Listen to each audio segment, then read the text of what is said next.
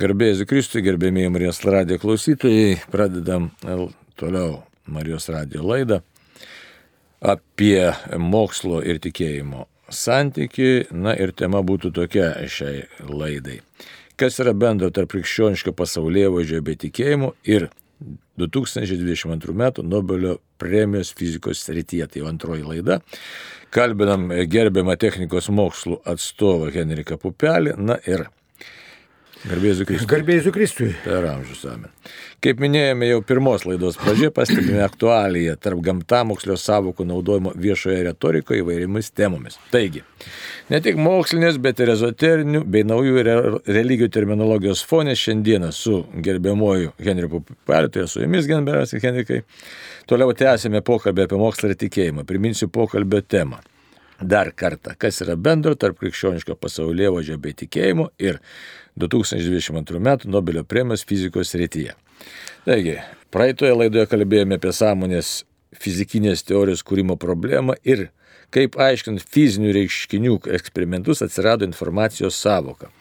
Drauge pasiaiškinome, kaip filosofijos istorijos raidoje krikščioniška sielos samprata buvo sutapatinta su terminu sąmonė.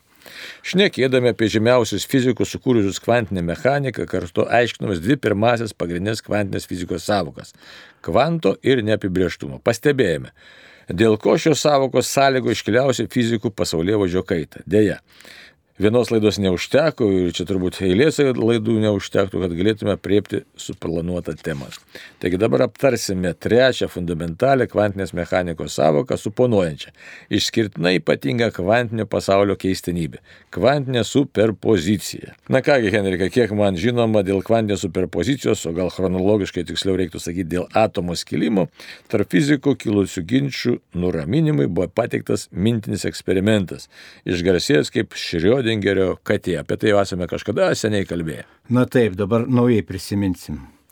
Galbūt ne visiems teko girdėti, kad Šriodingerio katė fizikams piešia ir šiandien tebe piešia du vienas kitam priešingus pasaulio vaizdinius. Vieniems su vienalaikiais įvykiais visatoje, o kitiems be jų. Noriu atkreipti dėmesį, kad šiuo atveju vienalaikiai įvykiai tiesiogiai nesėtini su planko atrastu šuoliniu gamtos veikimu konceptualiai pakeitusių klasikinės fizikos padiktuotą gamtos veikimo įsivaizdavimą. Mat kvanto veikimas labiau siejamas su mikropasauliu, o apie vienalaikius įvykius imta kalbėti ne tik mikro, bet ir makro mastu. Kita vertus, Planko atradimas jau buvo spėjęs paveikti tokio genialaus mokslininko kaip Boras supratimą apie realų šuolinį gamtos veikimą kvantinėme lygmenyje. Užtenka pažvelgti jo pasiūlytą šuolinį atomo modelį, kad pamatytume Boro veržimąsi iš klasikinės fizikos suformuoto pasaulio įsivaizdavimo. Tad dabar apie superpoziciją. Atomo buvimo superpozicijoje Borui reiškia, jog vienu ir tuo pačiu metu atomas yra suskylęs ir nesuskylęs. Ir kad su atomu nieko fizinio nevyksta, kol netliekamas jo matavimas. Tokiu paaiškinimu apie gamtos veikimą Boras pateikė įžvalgą kuri pranoko Einšteino relativumo teoriją. Na, čia toks drasus teiginys, kaip suprasti pranoko relativumo teoriją. Ar tai reiškia, kad Boras kvestionuoja erdvėlaikį? Kitaip tariant, ar čia eina mokslinio lygio kalba apie tai, jog be materialaus pasaulio egzistuoja dar ir pasaulis, kuriame nevyksta jokie fiziniai įvykiai ir ten nėra nei laiko, nei erdvės. Na, erdvėlaikio makromastu tai jis pats pradžioje gal ir nekvestionavo, bet mikromastu tai akivaizdžiai kvestionuoja, sakydamas, kad su atomu nieko fizinio nevyksta. Tai yra, egzistuoja kažkokia kvantinė būsena, kurios negalima paaiškinti judėjimo ir kartu energijos mainų savokomis. Tad pradedant rutuliuoti atomo skilimo klausimą, Boras ima kalbėti apie neapibrėžiamas tarpinės kvantinės būsenas. Vaizdingame pavyzdėje, kaip galimai vienu ir tuo pačiu metu gyva ir kartu negyva Šriodingerio katė. Bet paminėti dalykai buvo tik preliudija į patį reikšmingiausią paradoksą modernioje fizikoje - re realius vienalaikius įvykius visatos mastu. Taigi iš superpozicijos klausimo išplaukia paradokso esmė - dviejų dalelių vienalaikės koreliacijos klausimas, kuris kvantinėje mechanikoje buvo žinomas kaip Einšteino, Podolskio ir Roseno paradoksas. Akcentuoju, čia kalbama apie tarpusavėje koreliuojančias mažiausiai dvi dalelės, o ne vieną mikromatmenų kvantinę sistemą, galimai esančią dviejose skirtingose kvantinėse būsenose, vienu ir tuo pačiu metu. Pastarai dalyką iliustruoja tarpinės būsenos katė - gyva ir negyva. Na, kaip suprantau, ar suprantu, bandau suprasti, fizikos mokslo nesudrebino samprotavimus apie skirtingas kvantinės būsnes vienu ir tuo pačiu metu. Tačiau fundamentalūs mokslo faktai buvo kvestionuoti, kai eksperimentai patvirtino kelių dalelių vienalaikę koreliaciją. Taip atrodytų, ne? Na taip, būtent taip, nes, nes paradokso esmė ir yra kelių dalelių vienlaikio koreliacija. O ginčas, ginčius apie vienu ir tuo pačiu metu skirtingas kvantinės būsenas nuramino į ginčių areną įnešta kabutėse Šrioడింgerio katė, irgi kabutėse. Gyvintinis eksperimentas. Nemanau, kad tai nuramino Borą, bet Einšteiną tai tikrai. Nenuramino Boro būtent kodėl. Matboro teigimu, atomo superpozicijos būsena sugriauna matavimas, kurio dėka galima žinoti, ar atomas suskilęs ar ne. Matematinėje išraiškoje suyra bangų funkcijos. Kitaip tariant, matavimas kūrė tikrovę. Kaip tai įvyksta, mes nagrinėjome kalbėdami apie kvantinių būsenų matavimo instrumentą - šviesą. Kad matavimo metu šviesos kvantai, fotonai padaro įtaką matuojamai kvantiniai būsenai arba kvantiniai sistemai. Tiesa, nenagrinėjome, kaip matavimas ardo matematinės bangų funkcijas. Tam reikėtų atskirų laidų, į jas man atsinešant seniai klausytų fizikos paskaitų konspektus, lentą ir nemažai kreidos. Matematinėje išraiškoje kvantinė mechanika labai sudėtinga. Na taip, sudėtinga, bet vis gal, galim kažkaip populiariai visiems paaiškinti, kaip matuojant su ardoma matematinė bangų funkcija. Žiūrėkim, kvantinėje mechanikoje dalelė neturi apibrieštų koordinačių. Ji pasklydusi erdvėje, nuolat judėdama sudaro kažkokį trajektorinį banginį debesį. Dabar įsivaizduokime, kad dalelę uždarome dėžėje ir tą dėžę perskeriame pertvarą. Tuomet dėžėje judanti dalelė ir banga atsidurs arba vienoje, arba kitoje dėžės pusėje. Pertvara tai matavimas, kurio dėka galima apskaičiuoti dalelės buvimo tikimybę, kurios jie dėžės pusėje jį randasi. Tuo pačiu pertvara pakeitė dalelės padėtį. Dalelė ir banga atsidūrė arba vienoje, arba kitoje dėžės pusėje. Tai yra atliktas matavimas šviesos kvantais, fotonais, suardo ankstesnę kvantinę būseną ir kūrė naują. Tai štai kaip atrodytų gana paprasta. Manau, kad klausytojai populiariai suprato, galbūt suprato matavimo esmę ir be sudėtingų matematinių išraškų. Nebuvo būtina čia studijuoti nei Debroilio bangų ilgio, nei Šriodingerio neapibrieštumo likties, nei Borno banginės funkcijos kvadrato modelio, nei kitų matematinių dalykų. Taigi tesk apie ginčius ir Šriodingerio katę. Taigi apie katę mes čia kaip metafora tikrai, tikrai gerai čia kalbėti. Taigi Einšteiną nuraminęs mintinis eksperimentas su kate rodo, kad pasibaigus pusamžiui atomas skyla be žmogaus įsikišimo. Ir ar atomas suskilęs ar ne, gali būti žinoma kaip 50 procentų tikimybė.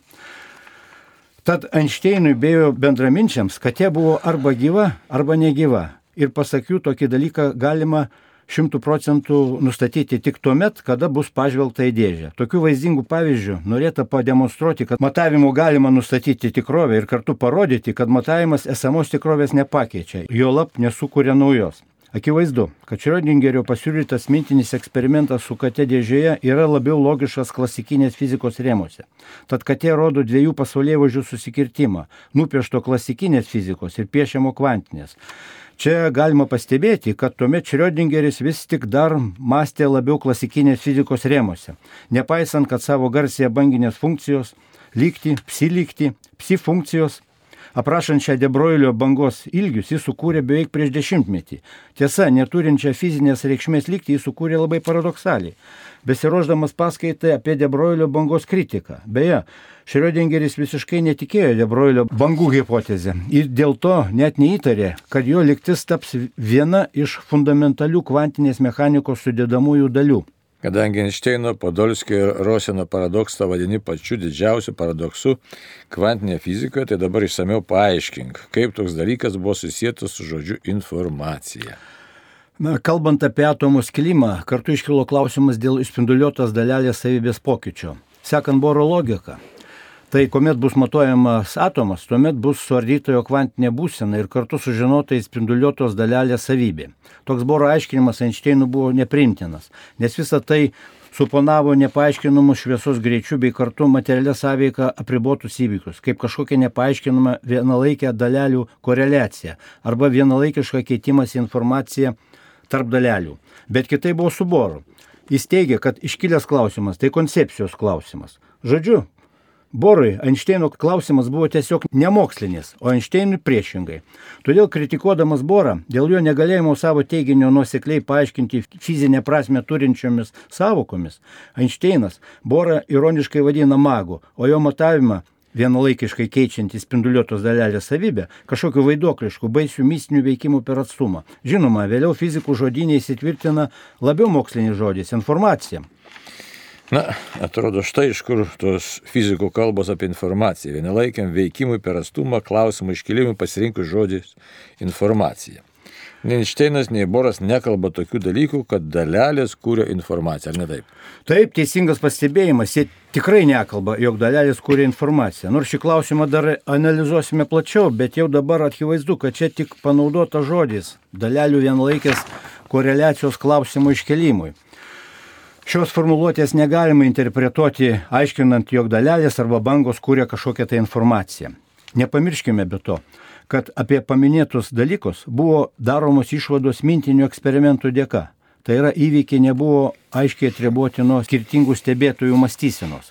Po Boro mirties, na, 62 metais, 900, prabėgus dešimčiai metų, tai jau 1972 metais buvo atliktas pirmas eksperimentas panaudojant atitinkamą įrangą. Šiandien neginčitinai įrodyta, kad kvantų pasaulyje vienalaikiai įvykiai realūs, tai yra įvykiai nepriklauso nuo stebėtojų įsivaizdavimo. Taigi, eksperimentai visai saliginai neseni ir vadinasi, Boras buvo teisus. Tai, taigi įvyko būtent tas stebuklas, kurio negalėjo patikėti Einšteinas ir jo bendraminčiai. Vienalaikiai įvykiai tai gamtos veikimo tikrovė. Klasikinės fizikos vaizdinėje atrodė neįmanomi dalykai, iš tiesų įmanomi realūs. Bet mus dar domina informacijos savokos gimimo išsamesnis paaiškinimas, tad prates toliau apie Einšteino ir Boro ginčius vartojant žodį informacija. Čia kai ką pakartosiu, ką jau kalbėjome. Taigi ketvirtame praeito amžiaus dešimtmetyje, norint paaiškinti atomo skilimą bei spinduliuotos dalelės savybės pokytį, Einšteino ir Boro ginčas išratolėjo mintinį eksperimentą ir iš jo išplaukianti štai tokį klausimą. Ar fotonai keičiasi informaciją neprarasdami laiko? Čia akivaizdu, jei žodis informacija panaudotas nebūtų iš vis, tai visiškai nepakeistų klausimo esmės dėl fotonų vienalaikiškos sąveikos galimumo. Taigi Einšteinas bei du jo bendradarbiai Podolskis ir Rosenas atsako, kad vienalaikiškas savybių pasikeitimas neįmanomas, nes tai prieštarauja relativumo teorijai. Mat vienalaikiai įvykiai paneigė erdvėlaikio sampratą, ribinį šviesos greitį ir daugia judėjimų laiko bei erdvės savokas. Tad dalelių savybių vienalaikiškas pasikeitimas, Einšteino ir jo bendradarbių įvardintas kaip fotonų keitimasis informacija neprarandant laiko, yra paradoksalus. Tai yra prieštarauja gamtos pažinimo žinioms ir kartu gamtinių procesų paaiškinimo logikai. Todėl minėti fizikai teigia, kad dalelė savo savybės turi būti turėjusios iš anksčiau. Matėjai savybės yra priešingos, tai pamatavę ir sužinoję vieną, kartu bus žinoma ir kita. Gerai, eikime toliau, mums reikia pasiaiškinti, kaip vartojant žodį informacija atsirado dalelės ir informacijos tapatinimo savoka. Čia kažkoks keistas dalykas. Nu tai, tai keistas dalykas, čia yra savoka, kad dalelė sukuria informaciją. Mhm. O kalbant apie sąmonę, tai tuomet, e, reiškia, e, mūsų smegenys sukuria informaciją ir, ir, ir reiškia, tuomet e, galima fizikinė teorija turėtų būti. Tai čia vat, priminsiu, dėl ko Einšteinas atmetė Boro aiškinimą implikuojantį vienalaikius įvykius. Madalelių fizinių savybių vienalaikiško pasikeitimo Boras negalėjo pagrysti fizikinį turinčiomis savokomis. Tai yra tomis savokomis, kurios parodytų dalelių mechanistinę sąveiką, apribotą šviesos greičiu. Tad Einšteinas, Podolskis ir Rosenas, remdamėsi savo konceptualią gamtos pažinimo logiką, paaiškino, jog skirtingas savybės dalelės turėjo iš anksto. Tokiu būdu buvo išjungta šviesos greičio konstantos paneigimų. Taigi remiantis, dabar čia svarbu suprasti, taigi remiantis minėtais fizikos mokslo autoritetais, be jų klausimų apie informacijos pasikeitimą tarp dalelių, tam tikri šiandieniniai fizikai interpretuoja dalelių turimas savybės kaip jų turimą arba kūriamą informaciją. Todėl neišmatuojamos bei neaprašomos, tačiau dalelės siejančios priežasties sutapatinimas su dalelės išmatuojama bei aprašoma savybė tam tikro fiziko mąstymė sumodeliuoja dalelės ir informacijos sutapatinimo savoką. Jos dėka norima paaiškinti sąmonę kaip protingą materiją, kvantinę, kvantų kūriamą informaciją arba kaip smegenyse esančią informaciją kvantinę formą. Čia yra esmė. Čia yra toks filosofinis klausimas. Fizikai čia filosofiškai sukuria čia. Nėra čia jokio mokslo čiame, kad dalelės kūrė informaciją. Na, betgi teigiam, kad ir eksperimentai parodė, kad Einšteinas klydo, omenyje turiu jo samprotavimus dėl vienalaikį įvykių, taigi apie informacijos dalelės tapatinimą jis net neužsiminė. Būtent, būtent apie tai ir kalbam, kad neužsiminė. Ir mes jau atskleidėme dalelės ir informacijos tapatinimo savokos akis badantį nelogiškumą. Kitaip tariant, sutapatinimas yra filosofiškai sukurta klaidinga idėja apie vienalaikę dalelių koreliaciją. Tai dabar pasiaiškinkime, kaip remiantis eksperimentais gimė iš principo kitokia savoka susijusi su žodžiu informacija.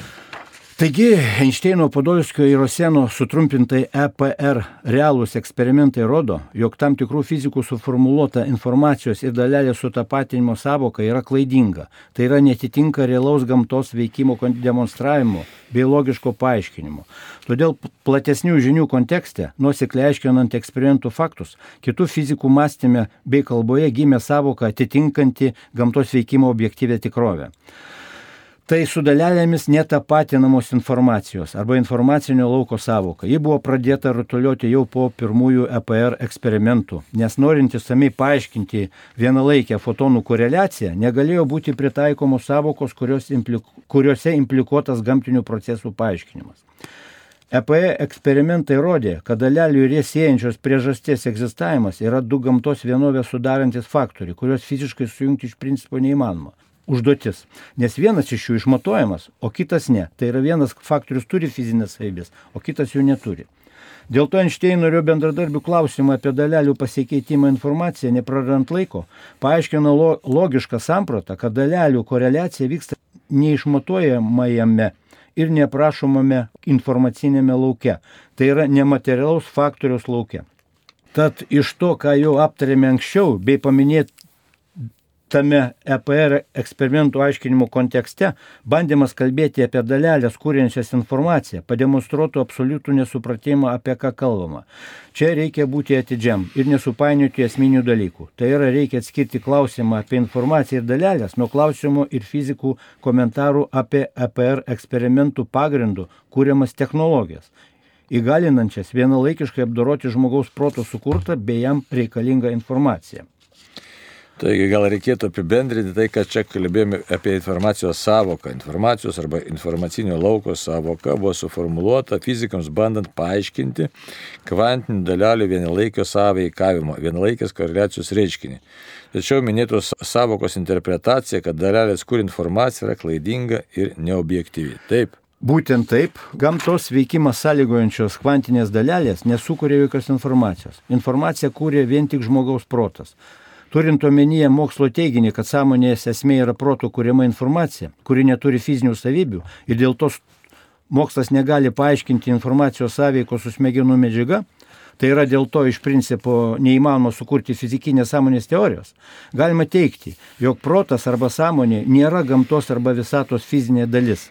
Tad remdamiesi kvantinio susietumo faktų ir jo interpretavimo logiką galima nukaldinti geležinę tezę Visatos medžiaga, žinoma kartu ir žmogaus materialioji dalis, yra informacijos arba informacinio lauko tam tikra materiali išraiška. Tad kaip minėjau, gamtos veikimo paaiškinimo tikrovė atitinka su dalelėmis netapatinamos informacijos arba informacinio lauko metafizinė savoka, o dalelės ir informacijos sutapatinimas priešingai Tai mokslo nepagristas dalykas ir draugė nelogiška interpretacija iš, išeinanti už kvantinės fizikos ribų. Dėl to tokia savoka yra žmogaus proto sukurta klaidinga idėja apie gamtos veikimą. Filosofinė prasme labai įdomu tai, ką čia pasakėjai. Gal dar liks laiko panagrinėti temą apie pasaulį pažįstančio proto ir jau pažinto pasaulio santyki, bei plačiau pakalbėti apie tai, kas pasaulyje egzistuoja nepriklausomai nuo žmogaus proto, o kas tai yra jo proto sukurtos idėjas. Na, bet grįžtant prie empirinio mokslo, tai svarbiausia, kad jo dėka šiandieną galime kalbėti apie dalykus pranokstančius materialų pasaulio supratimą. Žinoma, čia ypač aktualu, nes ateistai teigia, jo kalbėjimas apie Dievą prieštarauja mokslui. Šią progą noriu kai ką svarbaus akcentuoti šiandienio modernizmo, ypač relativizmo, tam tikriems filosofams, spekuliatyviai kritikuojantiems klasikinę metafiziką. Pirmiausia, jiems primenu vadinamą Renesanso pradžią ir eksperimentais pagrįstą filosofiją, kuri buvo kritiška religijos atžvilgių bei kartu kritikavo klasikinės tezės. Mūsų laidose atlikta analizė apie informacijos ir lauko egzistavimą yra nuseklu pavadinti eksperimentais pagristą ir todėl filosofiškai teisingą pasaulio pažinimo teoriją, parodančią, kad fundamentaliais pažinimo klausimais modernizmo, modernizmo spekuliatyvinės tezės yra subjektyvios, tai yra išmasytos klaidingos idėjos, kurios netitinka objektyvios pasaulio tikrovės. Dėl to religijos ir klasikinės metafizikos kritika grindžiama modernistų nukaldytomis spekuliatyvinėmis tezėmis galima argumentuotai atmesti. Taigi dalykas pranokstantis materialų pasaulių supratimą. Čia vėl grįžtų prie mokslo. Aha. Tai filo, mokslinis faktas. Eksperimentai rodo, kad iš vieno šaltinio spinduliuotos visos dalelės, o ne dvi, o visos yra vienalaikiškai susijėtos. Taigi šiandieną remdamėsi eksperimentiniais faktais galime prausis praleisti visus metafizinius plyšelius užtinkamus gamtos pažinime planko konstantos dėka ir iškart imti kalbėti apie metafizinį faktorių pranokstantį visos visatos materialę sampratą. Visatoje vykstančių energetinių mainų dalyvės, kvantinės dalelės, vienlaikiškai susietos, nes visata buvo įspinduliuota iš vieno šaltinio, į singuliarumo. Taigi turime mokslinį pagrindą teikti, jog visatos materiali struktūrizacija tiesiogiai priklauso nuo metafizinio faktoriaus. Tai yra mūsų nagrinėjimų mokslinių savokų kontekste nuo informacijos. Tam tikri mokslininkai mus kritikuoja, kad tikime stebuklais, bet dabar mes jiems pirštų galime rodyti į realiai egzistuojantį kvantinio susietumo reiškinį ir paprašyti jį paaiškinti, remiantis gamtos pažinimo žiniomis. Be jomis grįsta logika. Žinoma, nepaaiškins, nes faktorius yra antgamtinis stebuklą jie vadina fenomenaliu reiškiniu. Tad ir mes galim nu, naudotis tokia terminologija ir mums žinomus stebuklus vadinti realiai vykstančiais fenomenaliais reiškiniais. Esmės čia nepakeis. Kalbame apie antgamtiškumą. Tai yra apie dalykus, kurie pranoksa fizinės ir matematinės gamtos pažinimo sampratas. Taigi materialistiniai ateisiniai koncepcijai, kad Dievas kaip antgamtinė jėga neegzistuoja, šachas ir matas. Čia aš iš šachmatų terminologijos.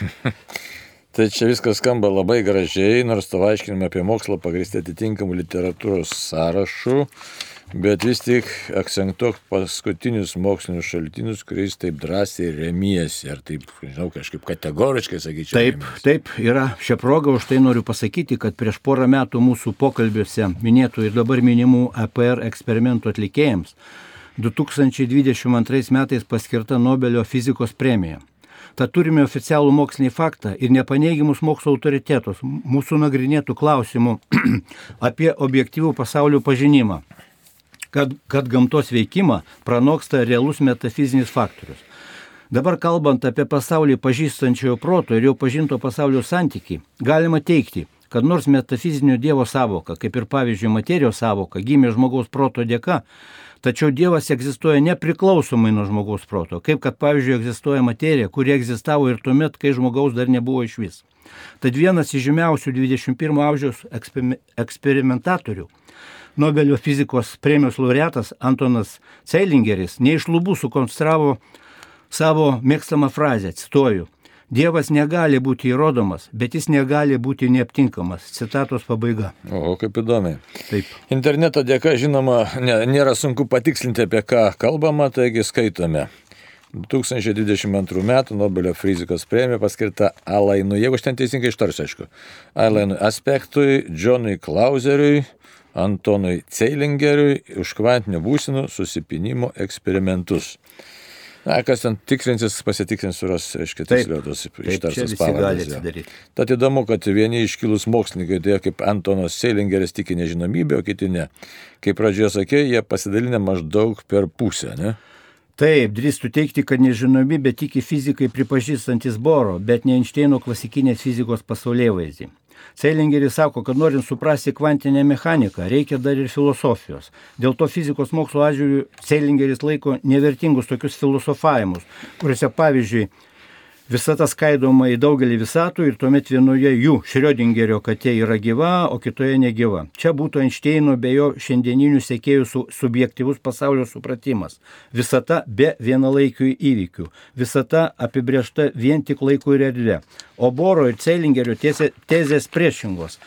Mat, Einšteino koncepc, koncepcijoms pagristas pasaulis negali būti paaiškintas vien tik išmatuojamų priežastingumų, tai yra materija energija. Taigi nepaisant, kad Einšteinas pokalbiuose vartojo žodį Dievas, tai, tačiau Dievą jis suprato kaip kažkokią vieną gamtos jėgą, apjungiančią atrastasias atskiras jėgas tuomet žinoma elektromagnetinė ir gravitacinė. Einšteinas beveik iki savo mirties tikėjo, kad gamtos veikimo visuminis mechanizmas gali būti atskleistas, sukuriant vieningo lauko, lauko arba visko teoriją. O kaip dabar sekasi kurti visko teoriją, kaip žinoma, Einšteinas tokios teorijos nesukūrė. A, kurdamas visko teoriją, Einšteinas džiaugiasi lygtimis, kuriuose nėra planko konstantos. Žinoma, tokios lygtis neatnešė sėkmės. Tad į savo gyvenimo pabaigą jis rašo, cituoju, visiškai galimas daiktas, kad fizikos neįmanoma grįsti vieno lauko savoką, tai yra ištisiniais dariniais.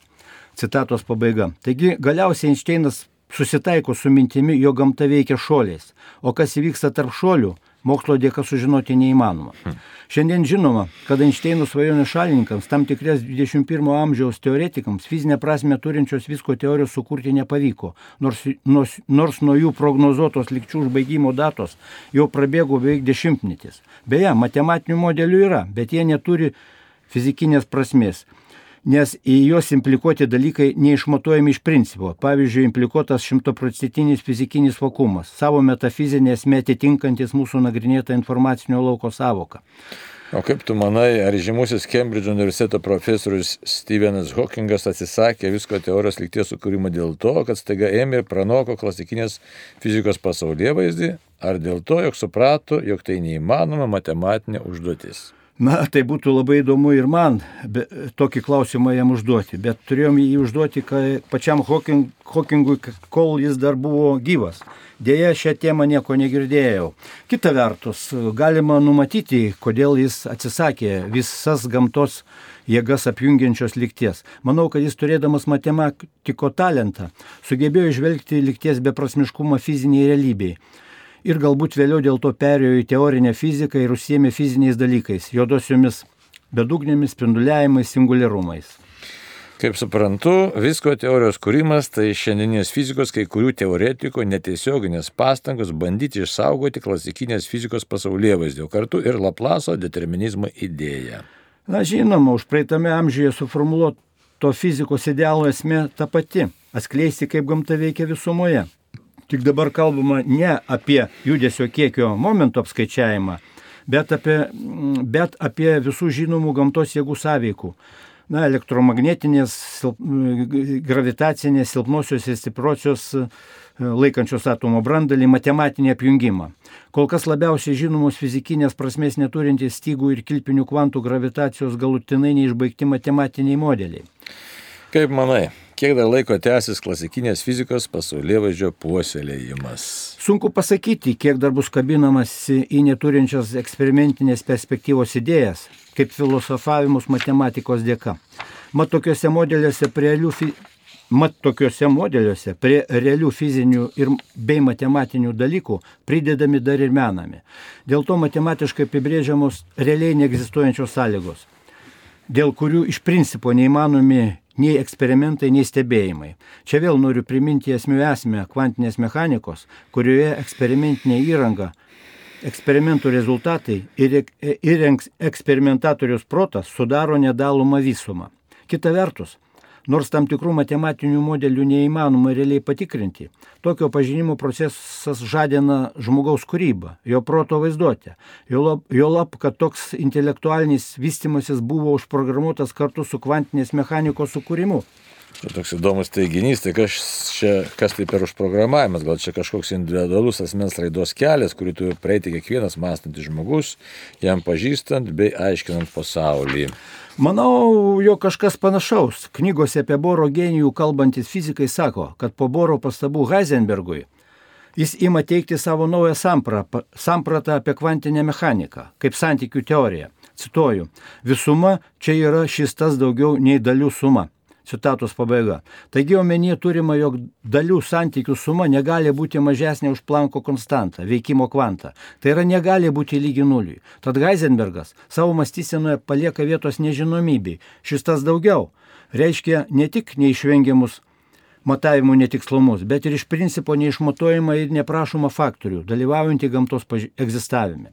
Arba šis tas daugiau Tai Einšteino kalboje reiškia, jog kvantinė mechanika nepriepia kažkokių nežinomų parametrų. Arba pavyzdžiui, kaip samprotauja Klauseris, cituoju, po kvantinė mechanika turėtų slypėti dar viena kažkokia tai fizika. Citatos pabaiga. Tiesa, praeitų metų Nobelio premijos laureatą drįstų patikslinti. Po kvantinė mechanika slypi jau nebe fizika, bet fizikai visiškai, visiškai nenaudinga metafizika. Kaip šis tas daugiau, makro mastu. Beje, patikslino jo paties argumentų, kurį jis panaudoja kalbėdamas apie teoriškai įmanomą žmogaus kūno teleportaciją ir neteleportuojama šitą daugiau, savo paties tapatybę aš. Bet apie sąmonę teleportaciją tai turbūt gal vėliau dar čia pakalbėsime. Taigi grįžtų prie minėtos literatūros apie Borą ir cituoju toliau. Heisenbergui išmėginimai baigėsi, bet prasidėjo jo amžininkams ir visoms kitoms kartoms teoretikų ir eksperimentatorių, filosofų ir dilitantų, kurios jaudina gamtos ir mūsų pažinimo sandarą. Citatos pabaiga. Turbūt pastaroji citata leidžia suprasti, dėl ko pažinimo klausimų mokslininkai pasidalinę į dvi grupės, gal net ir daugiau. Na, vieni tiki, kad kažkas yra dar, o kiti, kad nieko jau nėra, viską mes išmatavom, dar išmatuosim. Taigi aš irgi analogiškai suprantu citatos esmę dėl neapibrieštumo esmės įsisavinimo. Pirmiausiai patiems kvantinės mechanikos kuriejams, jiems formuluojant savo asmeninės pažinimo koncepcijas. Ta citatoje akcentuota perspektyva asmenims, norintiems kvantinės mechanikos dėka paaiškinti, kaip gamta veikia visumoje. Čia dar galima prisiminti Boro pastabą Heisenbergui, kad matematinės schemos turi atitikti gamtos veikimą.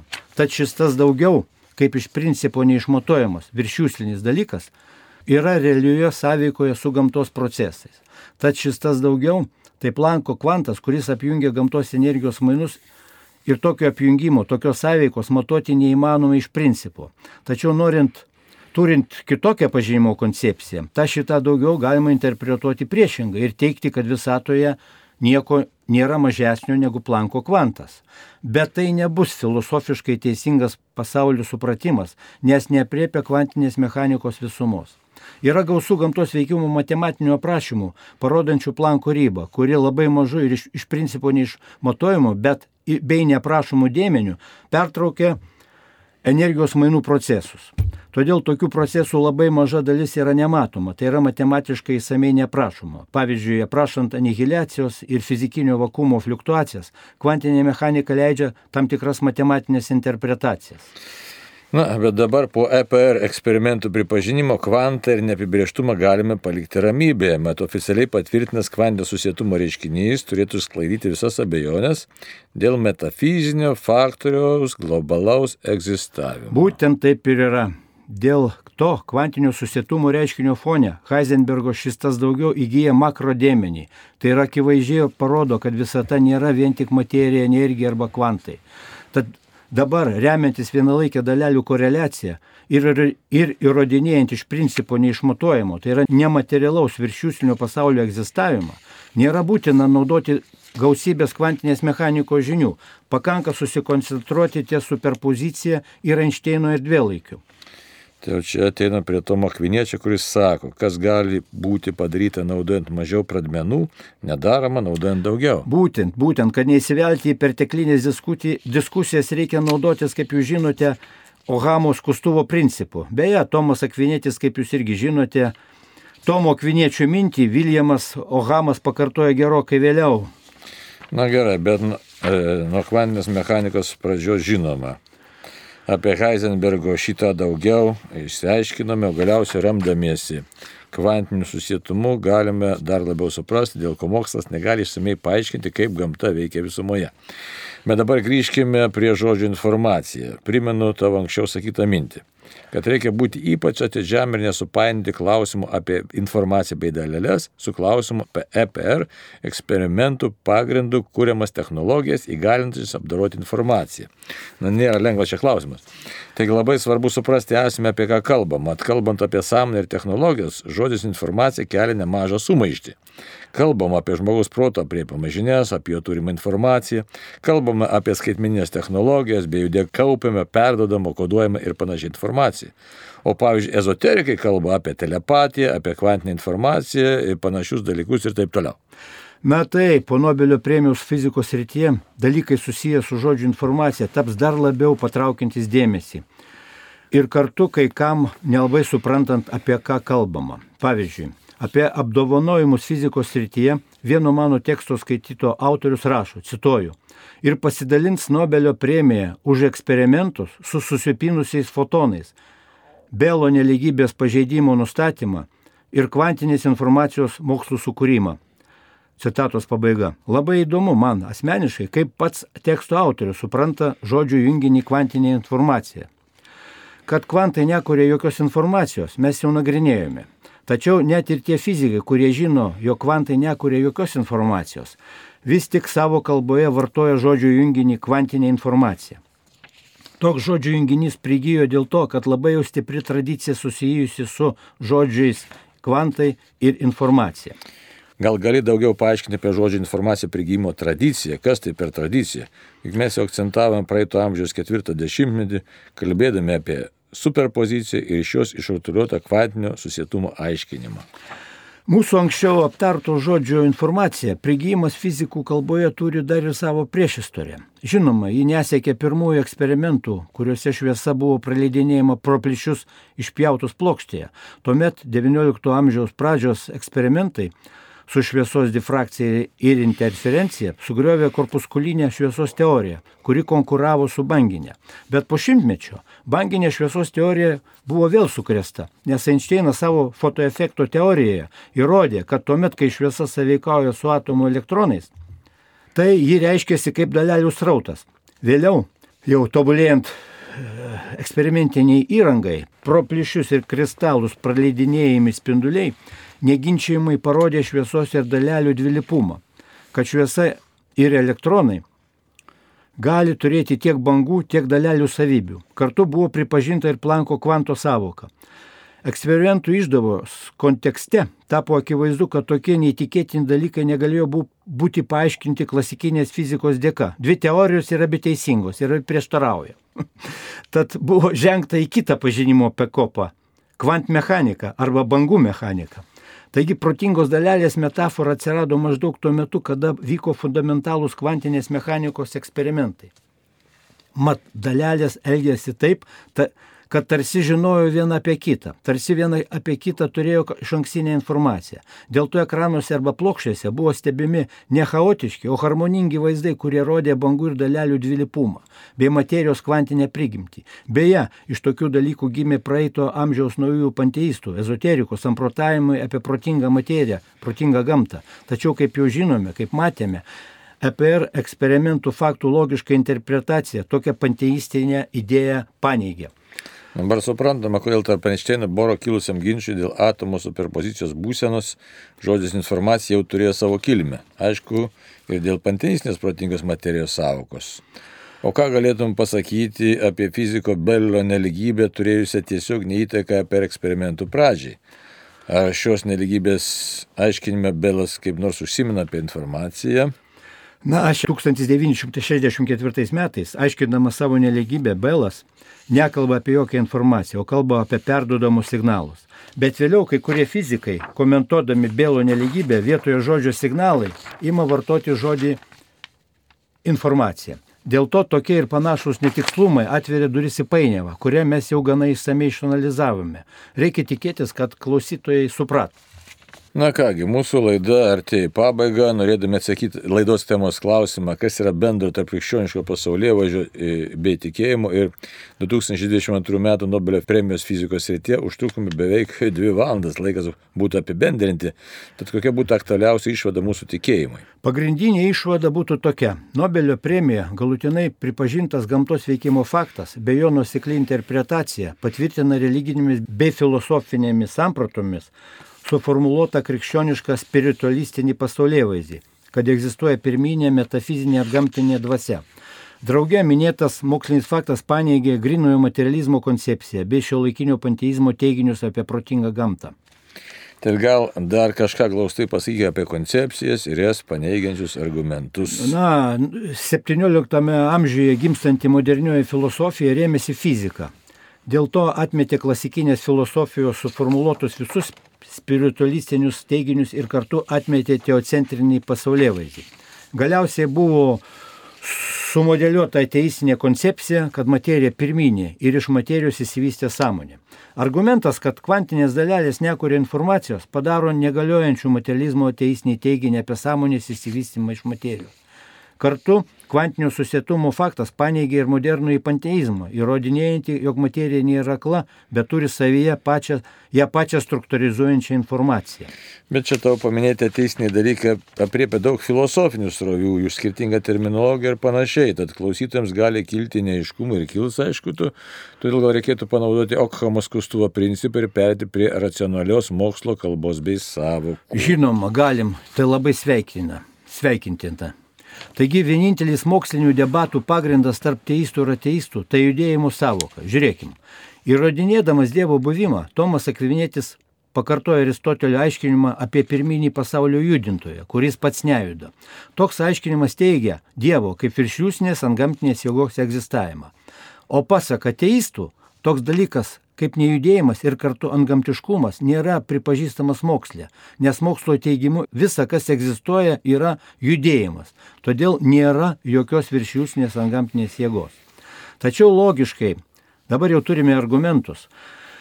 Nobelio premija.